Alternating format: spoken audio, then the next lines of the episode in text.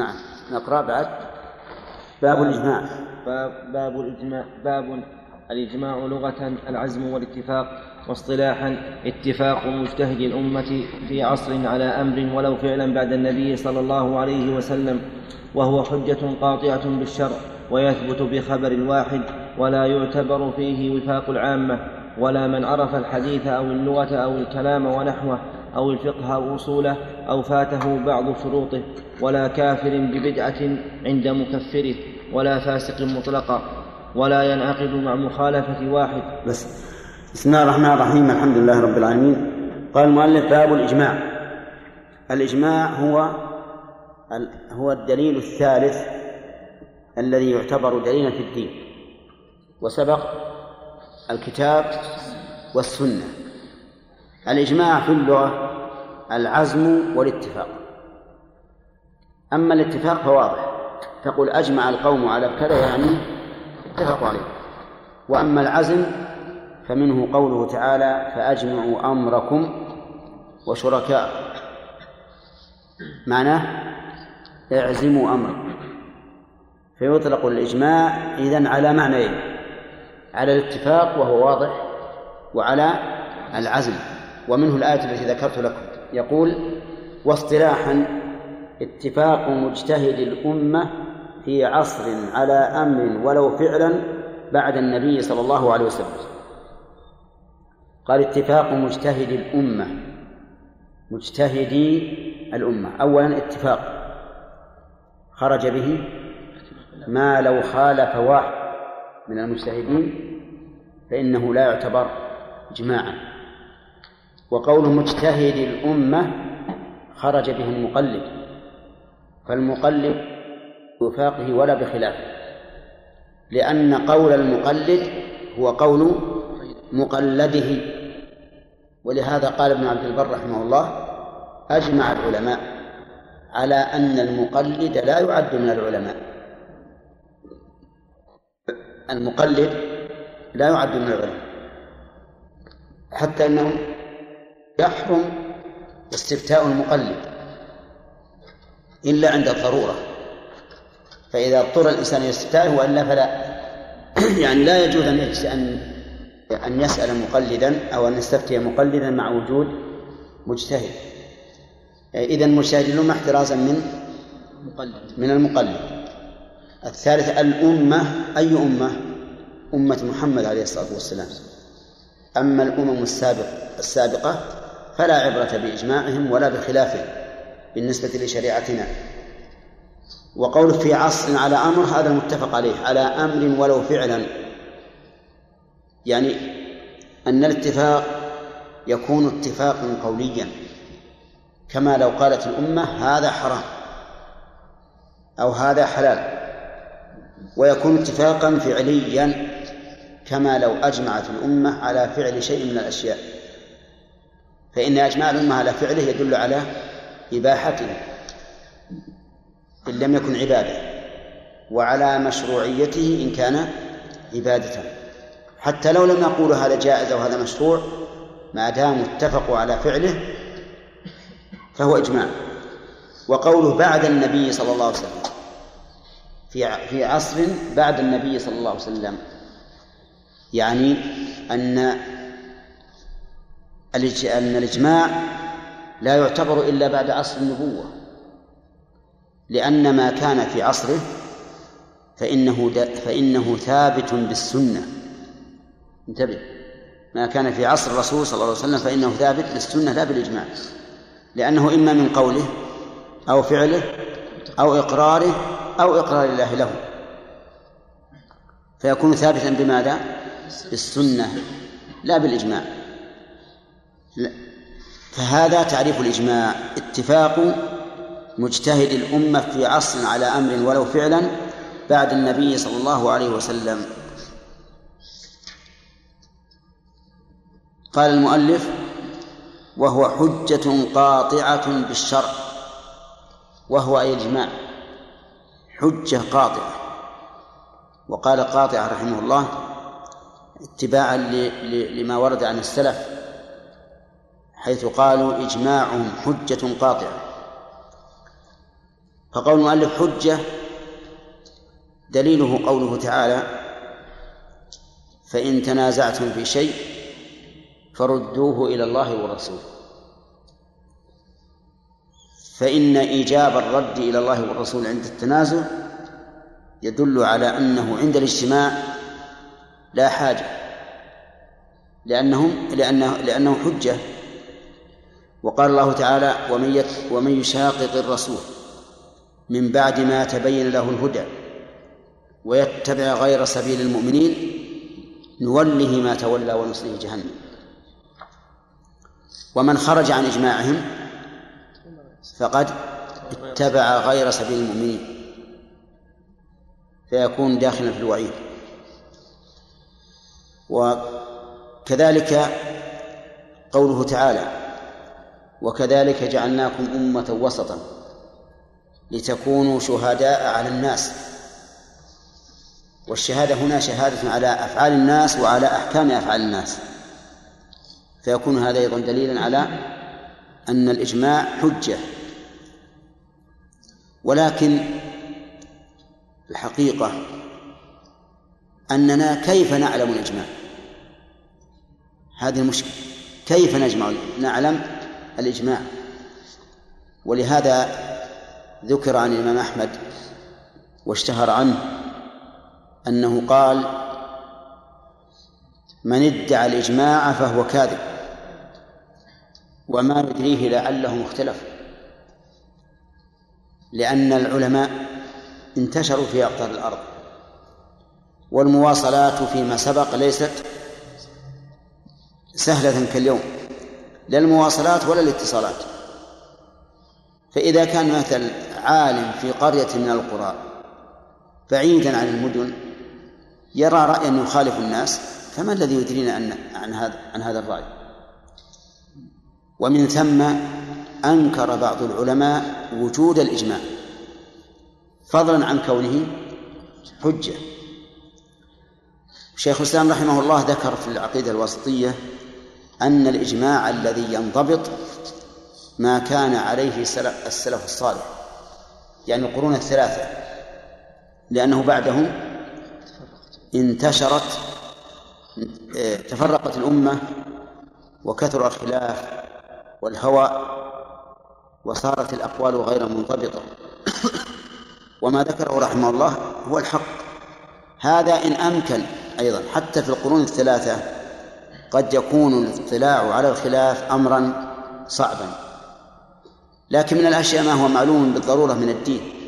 هذا مجمع عليه كوجوب الصلاة مثلا وجوب الزكاة وما أشبه ذلك. طيب فإذا, فإذا فقول المؤلف هو حجة قاطعة عرفنا من الأدلة. ثم إننا نقول اعلم أن أنه لا يمكن إجماع إلا مبنيا على دليل. من كتاب أو سنة أو قياس. لا يمكن أن تجد مسألة فيها إجماع بدون نص. كل مسألة فيها إجماع ففيها نص.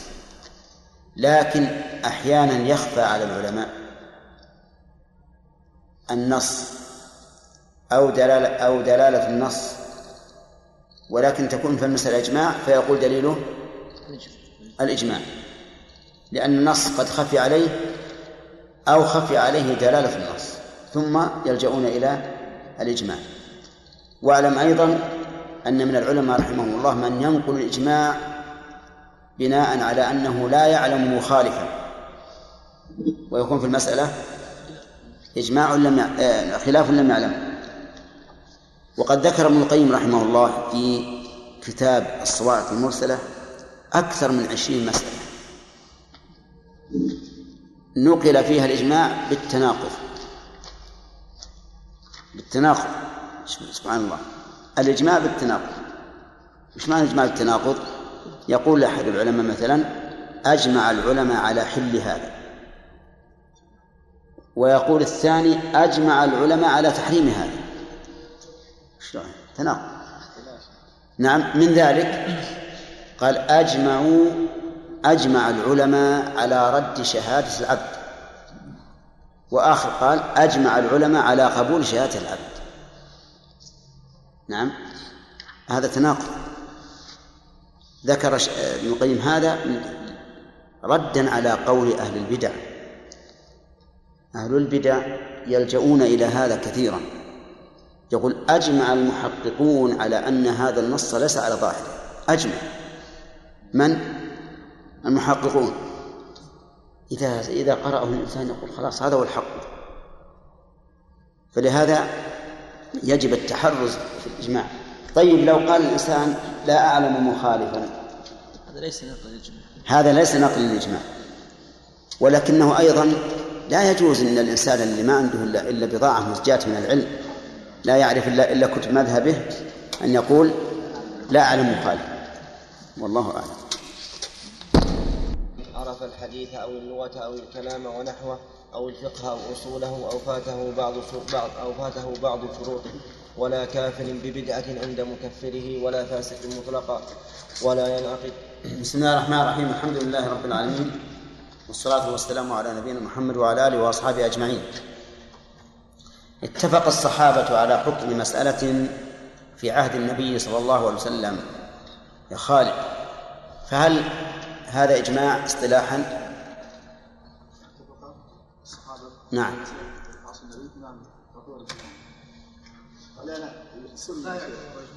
نعم. من شروط الإجماع بعد وفاة النبي صلى الله عليه وسلم أحسنت. نعم. لماذا يا بندر اشترطنا أن يكون بعد وفاة الرسول صلى الله عليه وسلم؟ لأنه في عصر النبي صلى الله عليه وسلم السنة نعم. يكون حجة بالسنة. تكون حجة بالسنة لا بالإجماع. طيب. هل في إجماع العوام عبرة؟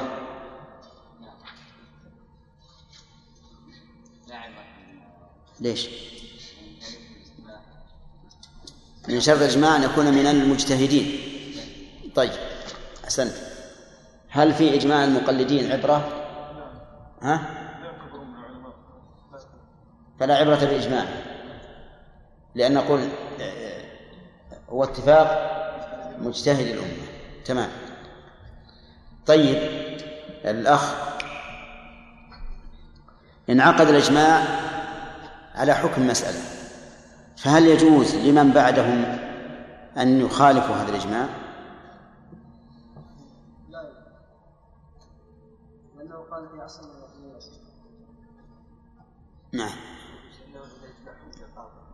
نعم لا يجوز لأن إجماع حجة قاطعة. وهم إذا أجمعوا في عصر ولو ساعة من زمان. فإنه يعتبر إجماعا. حتى أن بعض العلماء صرح قال لا يجوز رجوع بعضهم. لا يجوز رجوع بعضهم بعد الإجماع. طيب. ما هو الدليل على أن الإجماع حجة؟ عبد الله.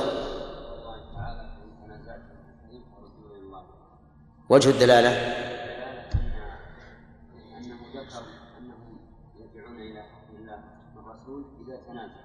نعم. أحسنت.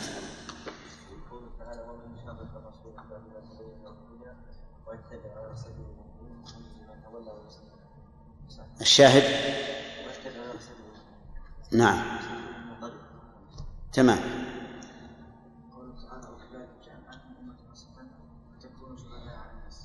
وجهه؟ ما وجه كونهم شهداء ما وجه الدلالة من, من هذه الآية على أن الإجماع حجة. جعلهم شهداء. والشاهد قوله مقبول سواء شهد على أعيان الأمة أو على أحكام الأمة. طيب يلا عبد القادر.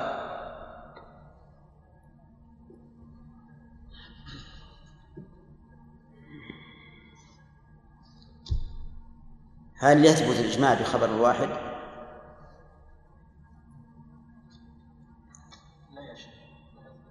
يثبت لماذا؟ لا لا بخبر واحد بمعنى أن يقول أجمع العلماء على كذا ها؟ إيه؟ ها؟ ما أخذناه لا الظاهر ما أخذنا ما أخذنا بسم الله الرحمن الرحيم. قال المؤلف رحمه الله يثبت أي الإجماع بخبر الواحد يعني أنه إذا نقل واحد إجماع الأمة ثبت. كما لو نقل حديثا عن النبي صلى الله عليه وسلم لأنه نقل الدليل ولكن يشترط أولا أن يكون ثقة أولا أن يكون ثقة والثاني أن يكون عنده اطلاع ومعرفة بمواقع النزاع والاتفاق.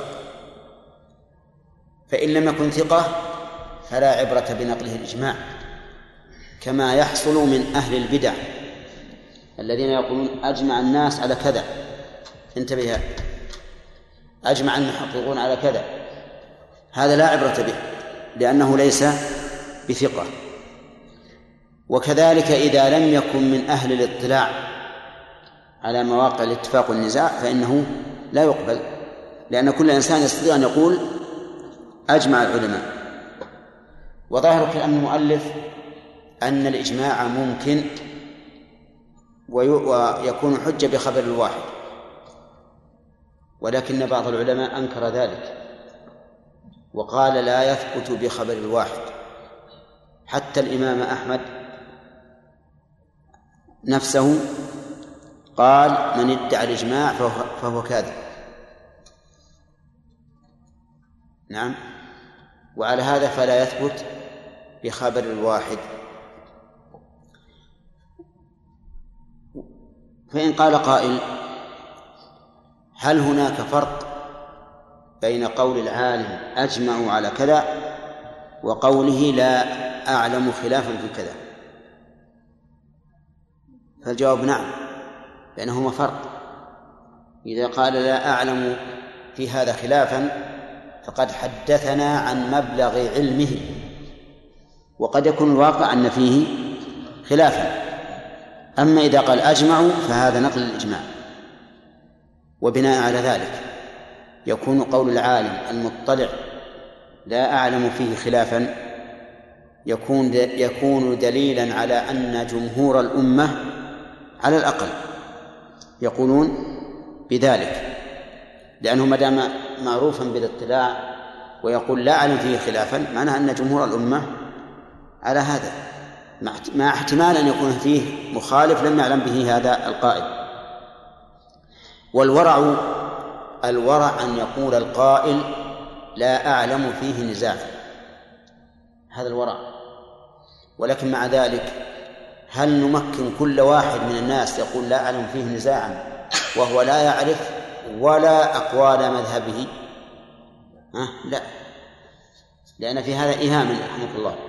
في هذا إيهام لأن في هذا إيهاما للناس. أن يكون هذا القول قول الأمة أو جمهور الأمة. طيب.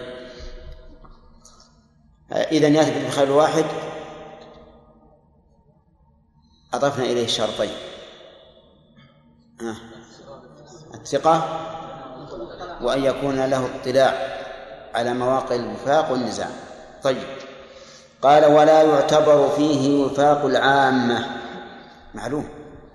العامة لا يعتبر وفاقها لأن الإجماع يعتبر بالمجتهدين دون العامة.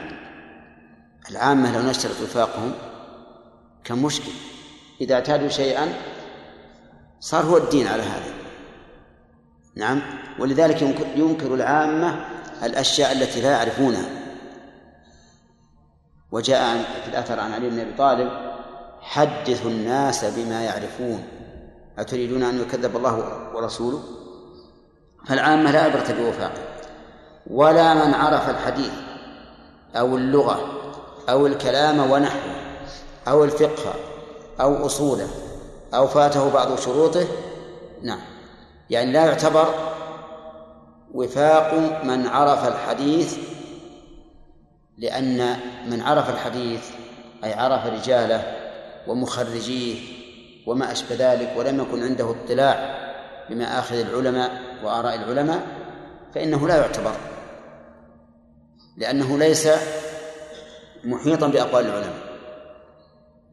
يوجد الآن علماء رواة لا دراة يعني عندهم علم كثير في الحديث في رواته في من خرجه وما أشبه ذلك لكن ليس عندهم دراية أي معرفة للأحاديث.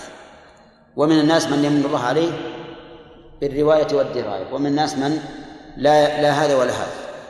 لكن الذي ليس عنده إلا علم الحديث الذي هو علم المصطلح مثلا أو علم الرواة فهذا لا يعتبر في الوفاق والخلاف. كذلك من عرف اللغة لا يعتبر لأن الكلام هنا على الإجماع على الأحكام الشرعية. أما الأحكام اللغوية فهذه يسأل عنها علماء اللغة ولا يعتبر وفاق في مسألة في مسألة الإجماع. فلو أن الفقهاء أجمعوا على حكم مسألة وجاء إمام من أئمة النحو كسيبويه مثلا. فهل نعتبر وفاقه أو لا؟ لا. نقول سواء وافق أم لم يوافق لأن المسألة ليست نحوية أو عربية. ولا يعتبر أيضا من عرف الحديث الكلام ونحوه. لأن المقام مقام فقه وليس مقام جدل. وأهل الكلام هم أهل الجدل. كذلك أيضا ولا من عرف الفقه أو أصوله. لماذا؟ لأنه لا بد أن يكون له اطلاع على مواقع على مواقع الوفاق والنزاع. أما رجل فقيه عنده قوة في الفقه ويعرف الفقه جيدا لكن ما يعرف نزاع العلماء ولا طالع الكتب اللي فيها الخلاف فهذا لا يعتبر وفاقا كذلك أصول الفقه من باب أولى أن لا يعتبر وفاق الأصوليين لأن الأصوليين لا لا يتعلق علمهم بأحكام التكليف ولا ولا من فاته أو فاته بعض شروطه. نعم لا يعتبر. السبب لأنه لا بد من الشروط. فلو لم يكن من المجتهدين ها لم يكن من لم يعتد به في الخلاف لأنه لم يتم فيه الشروط. قال ولا كافر يعني ولا يعتبر فيه وفاق كافر ببدعة عند مكفره. نعم. الفاسق ببدعة عند مكفره لا يعتبر في مسألة الإجماع. لماذا؟ لأنه كافر. الكافر لا يعتبر قوله في المسلمين. وعلم من قول المؤلف عند مكفره أنه لو ك... لو لم يكن كافرا عند آخر فإن وفاقه معتبر. نعم. ولا فاسق مطلقا. يعني لا يعتبر وفاق الفاسق مطلقا. يعني سواء كان فسقه بقول أو بعمل. ويحتمل أن أن يكون المراد بالإطلاق الفاسق مطلقا سواء عند من فسقه أو من لم يفسقه شوف الشرح نعم. قوله ولا يعتبر أيضا في الإجماع وفاق وفاق مجتهد فاسق مطلقا أي سواء كان فسقه من جهة الاعتقاد أو الأفعال فالاعتقاد كالرفض والاعتزال ونحوهما. والأفعال كالزنا والسرقة وشرب الخمر ونحو ذلك وهذا هو الصحيح. اختاره القاضي وابن عقيل والأكثر. قال أبو بكر الرازي من الحنفية هذا الصحيح عندنا. قال ابن, برهان هذا هو قول كافة الفقهاء والمتكلمين لأنه لا يقبل قوله ولا يقلد في فتوى كالكافر والصغير. وقيل إن ذكر مستندا صالحا اعتد بقوله وإلا فلا فإذا بين ما أخذه وكان صالحا للأخذ به اعتبرناه. قال ابن السمعاني ولا بأس بهذا القول وهذا كله في الفاسق بلا تأويل وأما الفاسق بتأويل فمعتبر في الإجماع كالعدل. طيب إذا مطلقا يعني سواء كان فسقه ببدعة أو باعتقاد أو قول أو عمل. فلا يعتبر في الوفاق. أما لو كان فاسقا عند قوم عدلا عند آخرين فهو عند المعدين له يؤخذ بقوله في الإجماع والنزاع. قال المؤلف ولا ينعقد مع مخالفة واحد. لا ينعقد الإجماع مع مخالفة واحد. خلافا لابن جرير رحمه الله المفسر المشهور. فإنه يرى أن الإجماع ينعقد مع مخالفة واحد أو اثنين. يقول لأن قول واحد أو اثنين من بين الأمة يعتبر شاذا. يعتبر شاذا والشاذ لا حكم له. ولكن الصحيح ما عليه الجمهور. لا سيما إذا كان هذا الواحد الذي خالف قد استند إلى دليل شرعي. فإنه يعتبر. فمثلا لو رأينا هذه حكم هذه المسألة عند شيخ الإسلام ابن تيمية ولم نعلم أن أحدا وافقه عليه. هل نقول إن فيها إجماعا؟ لا. على رأي الجمهور لا نقول لأن الرجل موثوق في علمه ودينه. وأما القول بأن هذا يعتبر شاذا لأنه كيف تكون الأمة كلها على خلاف قوله فهذا نقول ما دام له دليل فإنه لا يضر. طيب. وهل تعتبر وهل يعتبر الإجماع مع مخالفة الظاهرية؟ ها؟ قال بعض العلماء ينعقد الإجماع مع مخالفة الظاهرية. يعني لو أجمع الأمة على حكم والظاهرية قالوا بخلافه فإن الإجماع على رأي هؤلاء منعقد والصحيح أنه لا ينعقد. مع مخالفة الظاهرية لأن الظاهرية قوم لهم قدم صدق في مسألة الأدلة. وهم كما قال ابن القيم رحمه الله يقول هم خير من أهل الرأي.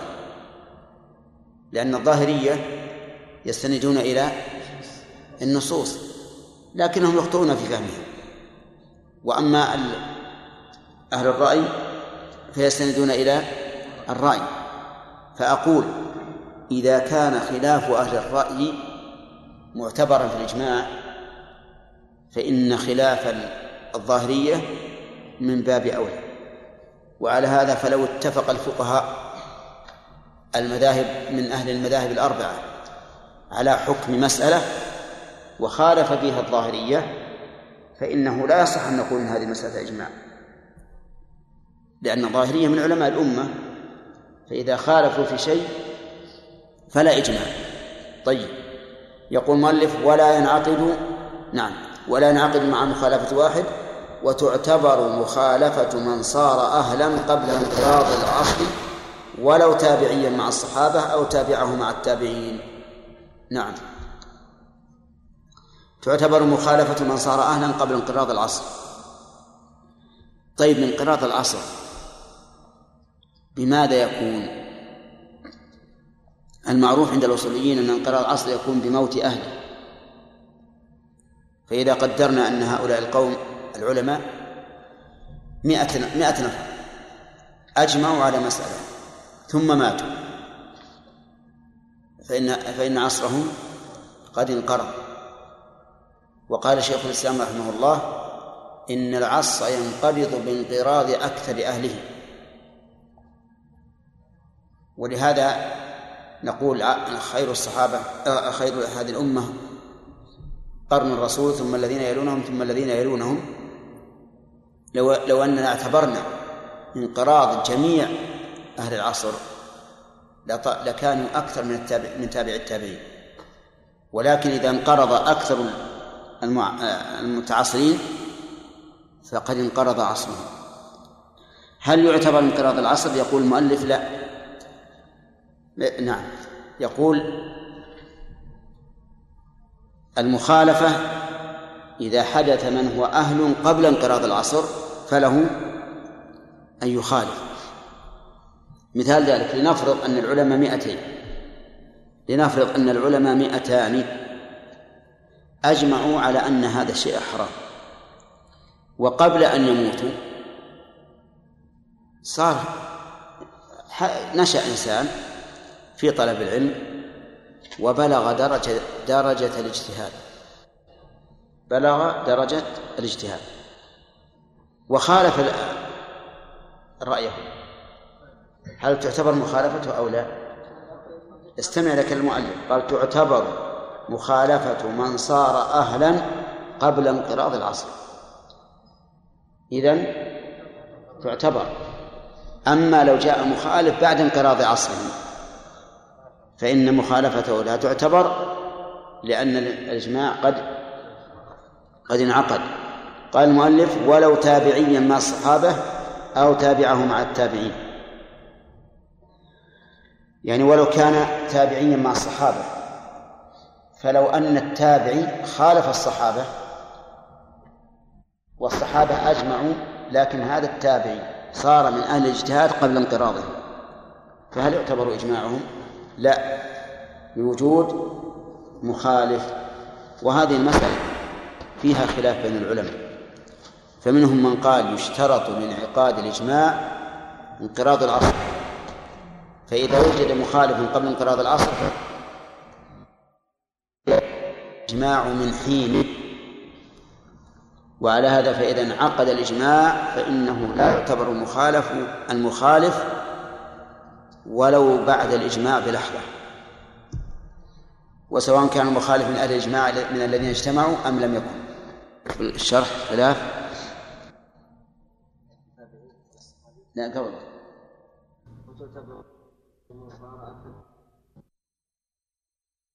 لأن انقراض الأصل معتبر وهذا مبني شرح التحرير صحيح وعليه الأكثر أنه انقراض الأصل. فمن اشترط لصحة الإجماع انقراض الأصل قبل الاختلاف وهو الأصح كان الجزم بذلك في المتن. قال هذا ليس بإجماع إن خالف ومن قال لا يشترط انقراض العصر قال الإجماع عقد ولا اعتبار بمخالفة من صار من أهل الإجماع بعد ذلك. وعلى اعتبار انقراض العصر ولو كان الذي صار أهلا تابعيا مع إجماع الصحابة قبل أن يصير التابعي أهلا للاجتهاد ثم صار أهلا قبل انقراض عصر الصحابة المجمعين وخالفهم لأنه لا إجماع للصحابة مع مخالفة تابعي مجتهد عند الإمام أحمد رضي الله عنه والقاضي أبي يعلى وأبي الخطاب وابن عقيل والموفق وأكثر الفقهاء والمتكلمين منهم أكثر الحنفية والشافعية والمالكية لأنه مجتهد من الأمة فلا ينهض الدليل بدونه ولأن الصحابة سووا اجتهاد التابعين وفتواهم معهم في الوقائع الحادثة في زمنهم. فكان سعيد بن المسيب يفتي في المدينة وفيها خلق من الصحابة وشريح في الكوفة وفيها أمير المؤمنين علي بن أبي طالب رضي الله عنه وحكم عليه في خصومة عرضت حكم حكم عليه.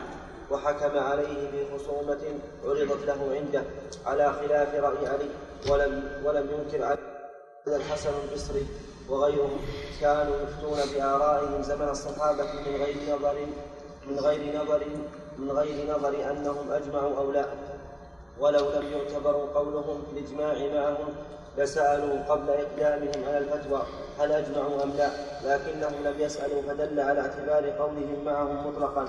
وسئل أنس رضي الله عنه عن مسألة فقال سلوا مولانا الحسن فإنه غاب وحضر وحضرنا وحفظ ونسينا. فقد سوغوا فإنه؟ فإنه غاب وحضر وحفظ ونسينا.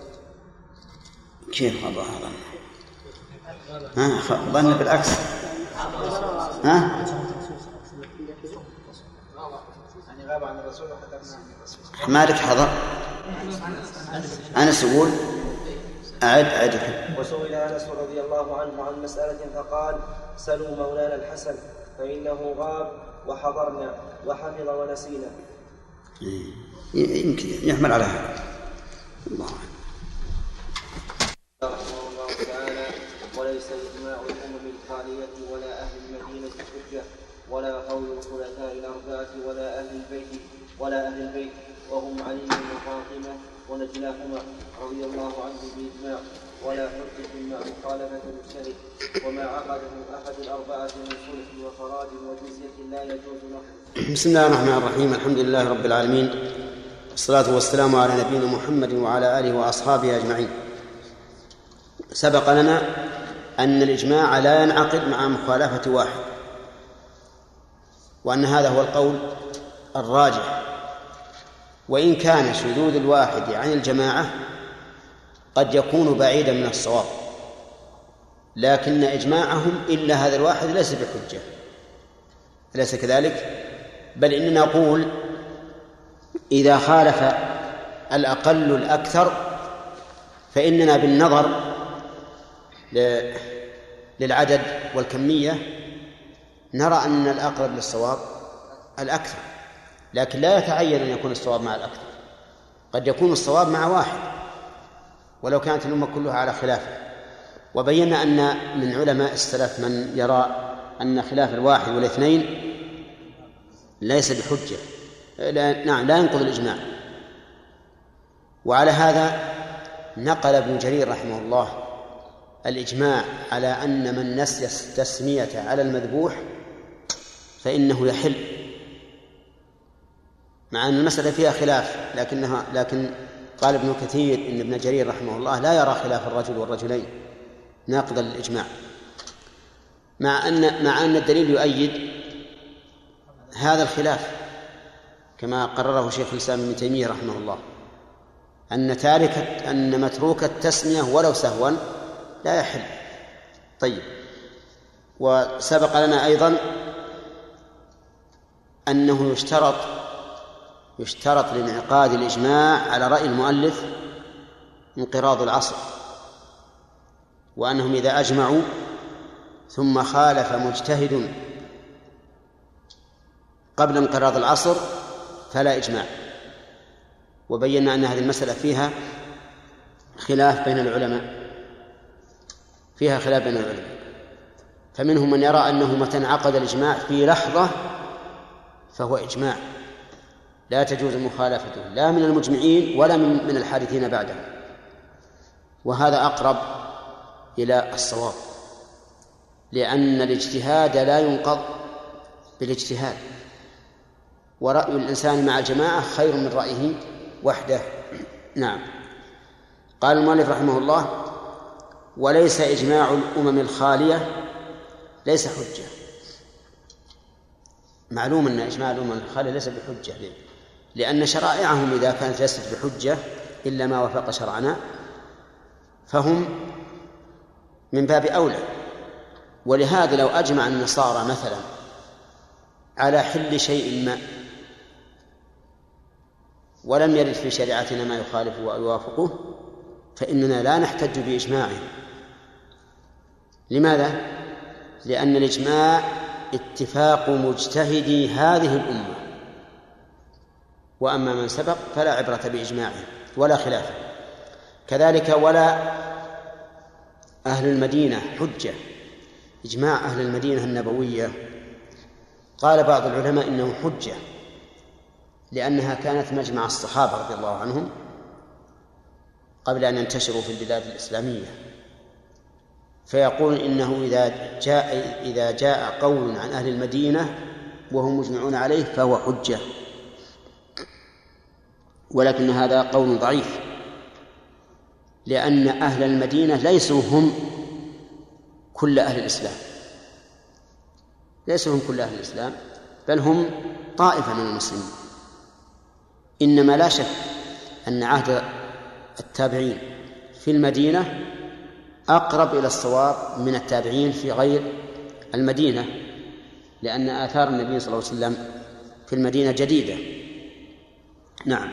كذلك ولا قول الخلفاء الأربعة ليس قولهم حجة. نعم. ما ما ما دام أن هناك خلافا يخالف رأيهم حتى لو اتفق الخلفاء الأربعة نعم. لأنهم ليسوا هم كل الأمة. ولكن لا شك أن اتفاق أبي بكر وعمر رضي الله عنهما إن لم يكن حجة فإنه يعدل قول غيرهما. لأن النبي صلى الله عليه وسلم قال فيما ثبت في صحيح مسلم إن يطيعوا أبا بكر وعمر يرشدوا. وقال اقتدوا بالذين من بعدي أبي بكر وعمر. فإذا أجمع الخلفاء الأربعة على رأي ما وخالفهم غيرهم فلا شك أن الأقرب للصواب رأي الخلفاء الأربعة. لكن ليس حجة على غيرهم لأننا لو جعلنا قول هؤلاء الأربعة حجة على غيرهم لكان فيه عصمتهم وأنهم لم يخطئوا. مع أن الخطأ وارد عليهم وعلى غيرهم ما عدا الرسول عليه الصلاة والسلام. وكذلك ليس قول أهل البيت حجة فقول أهل البيت كقول غيرهم. يعرض على الكتاب والسنة إن قام الكتاب والسنة على أن ذلك صحيح فهو حجة وإلا فلا. ومن هم أهل البيت؟ قال وهم علي وفاطمة ونجلاها رضي الله عنهم. ليس قولهم بإجماع ولا حجة. علي بن أبي طالب فاطمة بنت محمد صلى الله عليه وسلم نجلاها من؟ الحسن والحسين. هؤلاء أربعة. علي فاطمة الحسن والحسين. هؤلاء أهل البيت الذين هم أخص أهل البيت. وإلا فإن أهل البيت أعم من ذلك. فإن أزواج النبي صلى الله عليه وسلم من أهل بيته بلا شك. قال الله تبارك وتعالى في سورة الأحزاب وقرن في بيوتكن ولا تبرجن تبرج الجاهلية الأولى وأقمنا الصلاة وآتينا الزكاة وأطعنا الله ورسوله إنما يريد الله ليذهب عنكم الرجس أهل البيت ويطهركم ويطهركم تطهيرا. واذكرن ما يتلى في بيوتكن من آيات الله والحكمة. فزوجات الرسول لا شك أنهن من آل البيت لكن آل البيت الذين وضع عليهم الرسول الكساء هم هؤلاء الأربعة. علي فاطمة الحسن والحسين. لو اتفق هؤلاء الأربعة على قول فليس قولهم بإجماع ولا حجة. نعم. يقول رحمه الله ولا حجة مع مخالفة مجتهد. مع مخالفة مجتهد. أما لو وافقهم المجتهدون ها فهو حجة ولا الحجة إجماع المجتهدين؟ الحجة إجماع المجتهدين. ثم قال وما عقده أحد الأربعة. أحد الأربعة يعني الخلفاء الأربعة. ما عقده من صلح وخراج وجزية لا يجوز نقضه. ما عقده الخلفاء الأربعة يعني أو أحدهم. لا بل قال أحد الأربعة. من خراج من صلح وخراج وجزية لا يجوز نقض مثال الصلح لو قاتلوا أهل بلد وصالحهم أهل البلد على أن يبقوا فيها بجزية. فهذا لا يجوز نقض ولو أنهم قبلوا أحدا من من أهل الذمة أن يبقى في بلاد المسلمين بالجزية فإنه لا يجوز نقله وكذلك الخراج وهو ما يوضع على الأرض الزراعية. من دراهم معينة كالأجرة مثلا. فإن فإنه لا يجوز نقله لقول النبي صلى الله عليه وسلم عليكم بسنتي وسنة الخلفاء الراشدين المهديين من بعدي تمسكوا بها وعضوا عليها بالنواجذ. وقال بعض العلماء بل يجوز نقضه إذا تغيرت الحال. وهذا القول أصح. لأن ما عقده الأربعة أحد الأربعة من هذه الأمور الثلاثة إنما عقده في وقت يكون أنفع للمسلمين. فإذا زال هذا المعنى فإنه لا بأس بنقضه لأن هذا الذي عقده لو كان موجودا الآن ها لاختلف رأيه. فإذا كنا نعلم أن هذه الأمور الثلاثة الصلح والخراج والجزية عقدها أحد الأربعة في وقت هي أصلح للمسلمين فإنه إذا تغير الحال وجب العمل بما تقتضيه المصلحة. والله أعلم. نعم.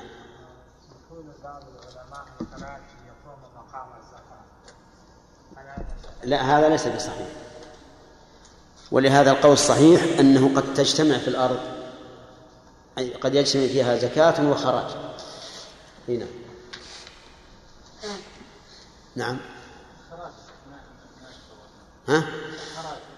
ما فهمتم الخراج هو أن ولاة الأمر إذا فتحوا أرضا آه، لا يقسمونها بين الغانمين. لا يقسمونها بين الغانمين لأن الأرض إذا فتحت فإنه يجوز أن تقسم بين الغانمين ويجوز أن تبقى كالوقف. ويجعل على من زرع أرضا أو غرس فيها يجعل عليه دراهم. فيقال مثلا كل مثلا كل كيلو عليه مثلا ألف ريال كل خمسمائة متر عليها خمسمائة ريال وهكذا. يعني تشبه الأجرة تماما. هذا هو الخراج. مما في خراج إلا على الأرض. الخراج لا يكون إلا على الأرض ولا خراج إلا في أرض تفتح. أما الأرض التي ملكها أهلها فإنه لا يمكن أن يجعل عليها إخراج لأن هذا ضريبة نعم.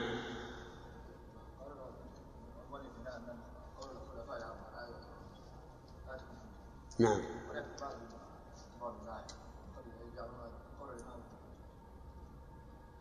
هذا هذا خطأ. إذا كان هؤلاء الأربعة قولهم ليس بحجة فقول الواحد ممن دونهم ليس بحجة من باب أولى. إيه؟ لا هذا خطأ. هذا خطأ عظيم لكنهم لكن هؤلاء المقلدين نعتبرهم متأولين لأنهم يقولون في في ظنهم إن هذا الإمام أعلم منا.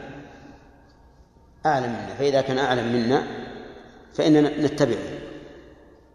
فيقال نعم ما لا ننكر أن يكون أعلم منكم لكن هل كونه أعلم منكم يقتضي أن يكون معصوما؟ حتى يكون قوله حجة؟ لا. نعم. إذا نقول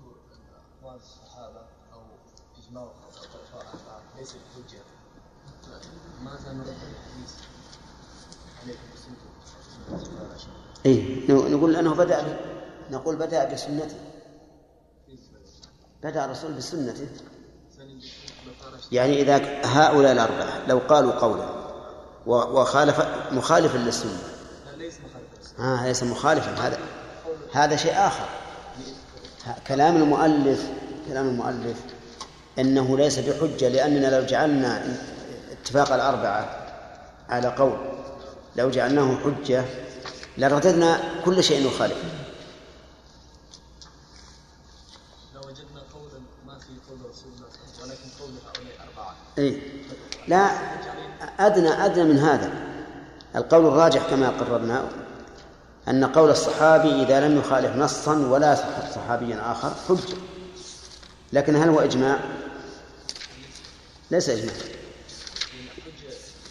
يعني مثل لو قال لو قال ابن عمر هو ما هو عمر. لو قال قولا لم يخالفه صحابي آخر ولا خالف نصا. فإنه عند الإمام أحمد حجة. لكن ليس كل حجة تكون إجماعا كل إجماع حجة وليس كل حجة إجماع.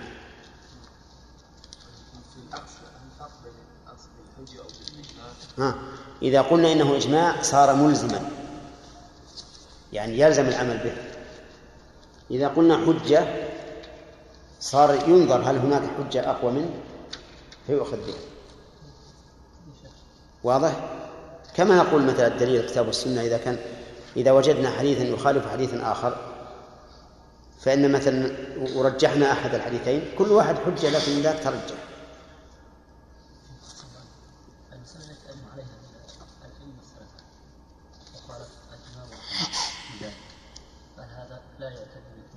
لا ليس بإجماع. لا. بإجماع لا مسألة الصواب يا شيخ ترك الصواب أي نعم. عندهم تقولون بها أي نعم. هذا ليس بإجماع ما هو مو إجماع. لكن إذا قال عبد الله بن شقيق وهو من أحد التابعين المعروفين كان أصحاب النبي صلى الله عليه وسلم لا يرون شيئا من الأعمال تركه كفر إلا الصلاة. هذا نقل إجماع للصحابة الرهوية أن الصحابة أجمعوا إلى يومه بل قال الناس أجمعوا إلى يومه وهو من أقران الإمام أحمد يكون ما تأول. تأول. قول مخالف من أقران الإمام أحمد. ما حنيفة قبل الإمام أحمد قبل. من؟ إيه. أي نعم نعم. لكن إذا صار مقارنة ما يلزم أنه, أنه يكون دون منه بالسين أنا أعلم إيه؟ وقد أجمعوا إلى يوم هذا الناس مجمعين نعم. والإمام الشافعي أنت اعلم أن مذهب الإمام الشافعي أو أبي حنيفة أو أحمد أو مالك لا يعني أن الشخص الإمام يقول به. مذهبه اصطلاحا. ولهذا نجد الإمام أحمد يقول أصحاب ونفس الإمام أحمد يخالفه. فلا نقل عنه أنفسهم. أنه أنه لا يقول ما بس وين؟ المناظرة اللي وقعت بينه وبين أحمد هذه كذب هي صحيح. نعم. قول إذا كان مخالف إذا كان مخالفة للرأي فإذا كان مخالفته في مفهوم الحديث في مفهوم الحديث فبعد ليس حجة. الحين الحين يجب أن نعرف الفرق بين حجة وإجماع. إذا قلنا إجماع صار ملزما لا تجوز مخالفته. إذا قلنا حجة صار حجة وإذا وجدت حجة أقوى منه أخذ بها. يعني إجماعه لا يكون بأصحاب الرأي. إجماع هذا إجماع قول الخلفاء الراشدين لا ما يخالفه إلا مثلا واحد من رأي هذا ما يخالف إجماع هذا مجتهد ولا غير مجتهد؟ لا ولو كان مجتهدا من هذا لا ما يصير إجماع. ما دام خالفهم مجتهد. الخلفاء الأربعة لا شك أن قولهم أرجح من غيره لكن ليس إجماعا. مثلا لو أن الخلفاء الأربعة وعلى رأي وخالف ابن مسعود. فهم أحسنت سواء خالف مفهوم الحديث أو بقياس أو بأي شيء آخر. إنما هل نقول إن هناك إجماع أو لا؟ هذه نقول اتفاق الخلفاء الأربعة ليس بإجماع. عرفت؟ مسألة الحجة غير. الإمام أحمد رحمه الله يقول لو أن صحابيا واحدا قال قولا فقوله حجة. إذا لم يخالف صحابيا آخر أو دليلا من الكتاب والسنة يعني إذا خالفه واحد من الخوارج نعم. قول الخلفاء الراشدين يعني ينقل الخوارج كذلك الخوارج بقى. الخوارج بعد بعد الخلفاء الأربعة ما خرجوا تعرف إلا في عهد عثمان رضي الله عنه. مثلا لا إذا خالفوا الخلفاء الأربعة بدليل. جاءوا بدليل. أصلا ما في إجماع. هل إجماع الأربعة يعتبر إجماع للأمة كلها؟ هذا هو هذا هو الكلام. هناك فرق بين الحجة وبين الإجماع. نحن نقول قول أبي بكر وحده حجة. حجة إذا لم يخالف نصا أو أو صحابي آخر. لكن قوله مع عمر وعثمان وعلي ليس بإجماع. إيه؟ قواعد؟ انتهى الوقت. انتهى وقت الفقه. وأصول الفقه. وقت أصول الفقه. قصد حتى تتم الفائدة. نقول يا شيخ في مسألتان يعني اتفق فيها. إمامان واختلف في مسألة الوضوء من النساء. الإمام أحمد والإمام مالك اتفقوا. والإمام الشافعي والإمام أبو حنيفة على طرفين. نعم. فنقول يا شيخ هناك هل نحتج بقول الإمام أحمد والإمام مالك نعده إجماع أو حجة؟ لا ما نعجب إلا ما أعطى له الدليل يكون حجة. وليس الحجة في قولها فلان الحجة فيما جاء به الدليل. أما إجماع مع اختلاف اختلاف الأمة على قولين ما يصير. ولكن يكون الصحيح ضروري. الله تعالى. لا يا أخي. فصل يعتبر لانعقاد الإجماع صفحة 33 فصل يعتبر لانعقاد الاجماع انقراض العصر وهو موت من اعتبر فيه فيسوغ لهم ولبعضهم الرجوع لدليل ولو عقبه لا عدد التواتر ولو لم يكن الا واحد فاجماع وقول مجتهد في مسألة اجتهادية تكليفية انتشر ومضت مدة ينظر وتجرد عن قرينة رضي وسخر ولم ينكر قبل استقرار المذاهب إجماع ظني للأخذ بأقل ما قيل كدية الكتابي الثلث. ولا بس. بسم الله الرحمن الرحيم. قال رحمه الله تعالى فصل يعتبر من انعقاد الإجماع. ولا بد أن نعرف الإجماع قبل أن نعرف ما يعتبر له. ما هو الاجتماع؟ ما هو الإجماع؟ اتفاق مجتهدي هذه الأمة على حكم بعد موت النبي صلى الله عليه وآله وسلم. كذا اتفاق مجتهدي هذه الأمة على حكم بعد وفاة النبي صلى الله عليه وآله وسلم. فقولنا اتفاق مجتهدي هذه الأمة خرج به الخلاف اتفاق يعني بحيث لا يوجد خلاف مجتهد الأمة خرج به العامة والمقلدون أما العامة فظاهر أنهم ليسوا من العلماء ولا يعتبر خلافهم ولا وفاقهم كذا ولا لا؟ ولا يعتبر؟ لا يعتبر ولهذا لا لا نخرج للسوق نقول يا جماعة تعال أنتم موافقين على على الرأي ولا غير موافقين؟ لا يعتبر خلاف العامة ولا إجماع ولا وفاق.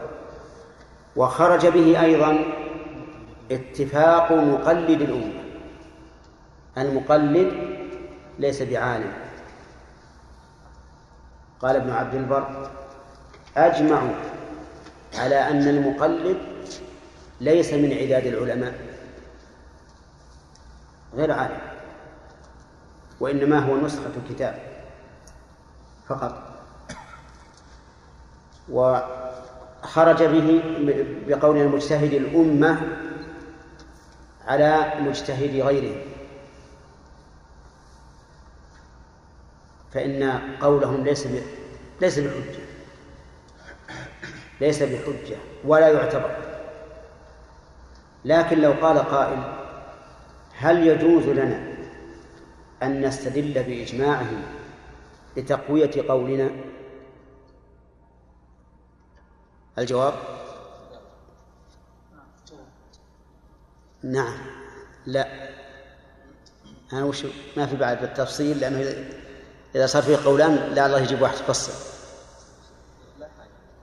قال الله تبارك وتعالى مبينا الاعتبار بعلم من سبق فإن كنت في شك مما أنزلنا إليك فاسأل الذين يقرؤون كتابا من قبلك. وقال تعالى أولم يكن لهم آية أن يعلمه علماء بني إسرائيل فلو أردنا أن نبرهن على أن عيسى عبد الله ورسوله وأنه بشر مخلوق وأنه ليس ولدا لله وأن الله منزه عن الولد واستدلنا بشيء من الإنجيل احتجاجا على النصارى فهنا لا بأس. يعني فعلى هذا نقول إذا احتجنا إذا احتجنا إلى الاستشهاد بقول من سبق أخذنا به وإلا فلا لأن احتجاجنا بقولهم بدون حاجة إليه رفع لمعنوياتهم واعتداد بأقوالهم فلا نحتج بها. لكن إذا احتجنا فإننا نستدل. طيب وقوله على قولنا بعد النبي صلى الله عليه وآله وسلم لو اجتمع المجتهدون في عهد الرسول على شيء فإن هذا لا نقول ليس بإجماع لكن لسنا بحاجة إليه. لأن الحجة في إقرار النبي صلى الله عليه وآله وسلم إن علم بذلك أو في إقرار الله إذا لم يعلم الرسول صلى الله عليه وآله وسلم. فما فعل في عهده لا لسنا بحاجة إلى نقول فيه إجماع. لا حاجة.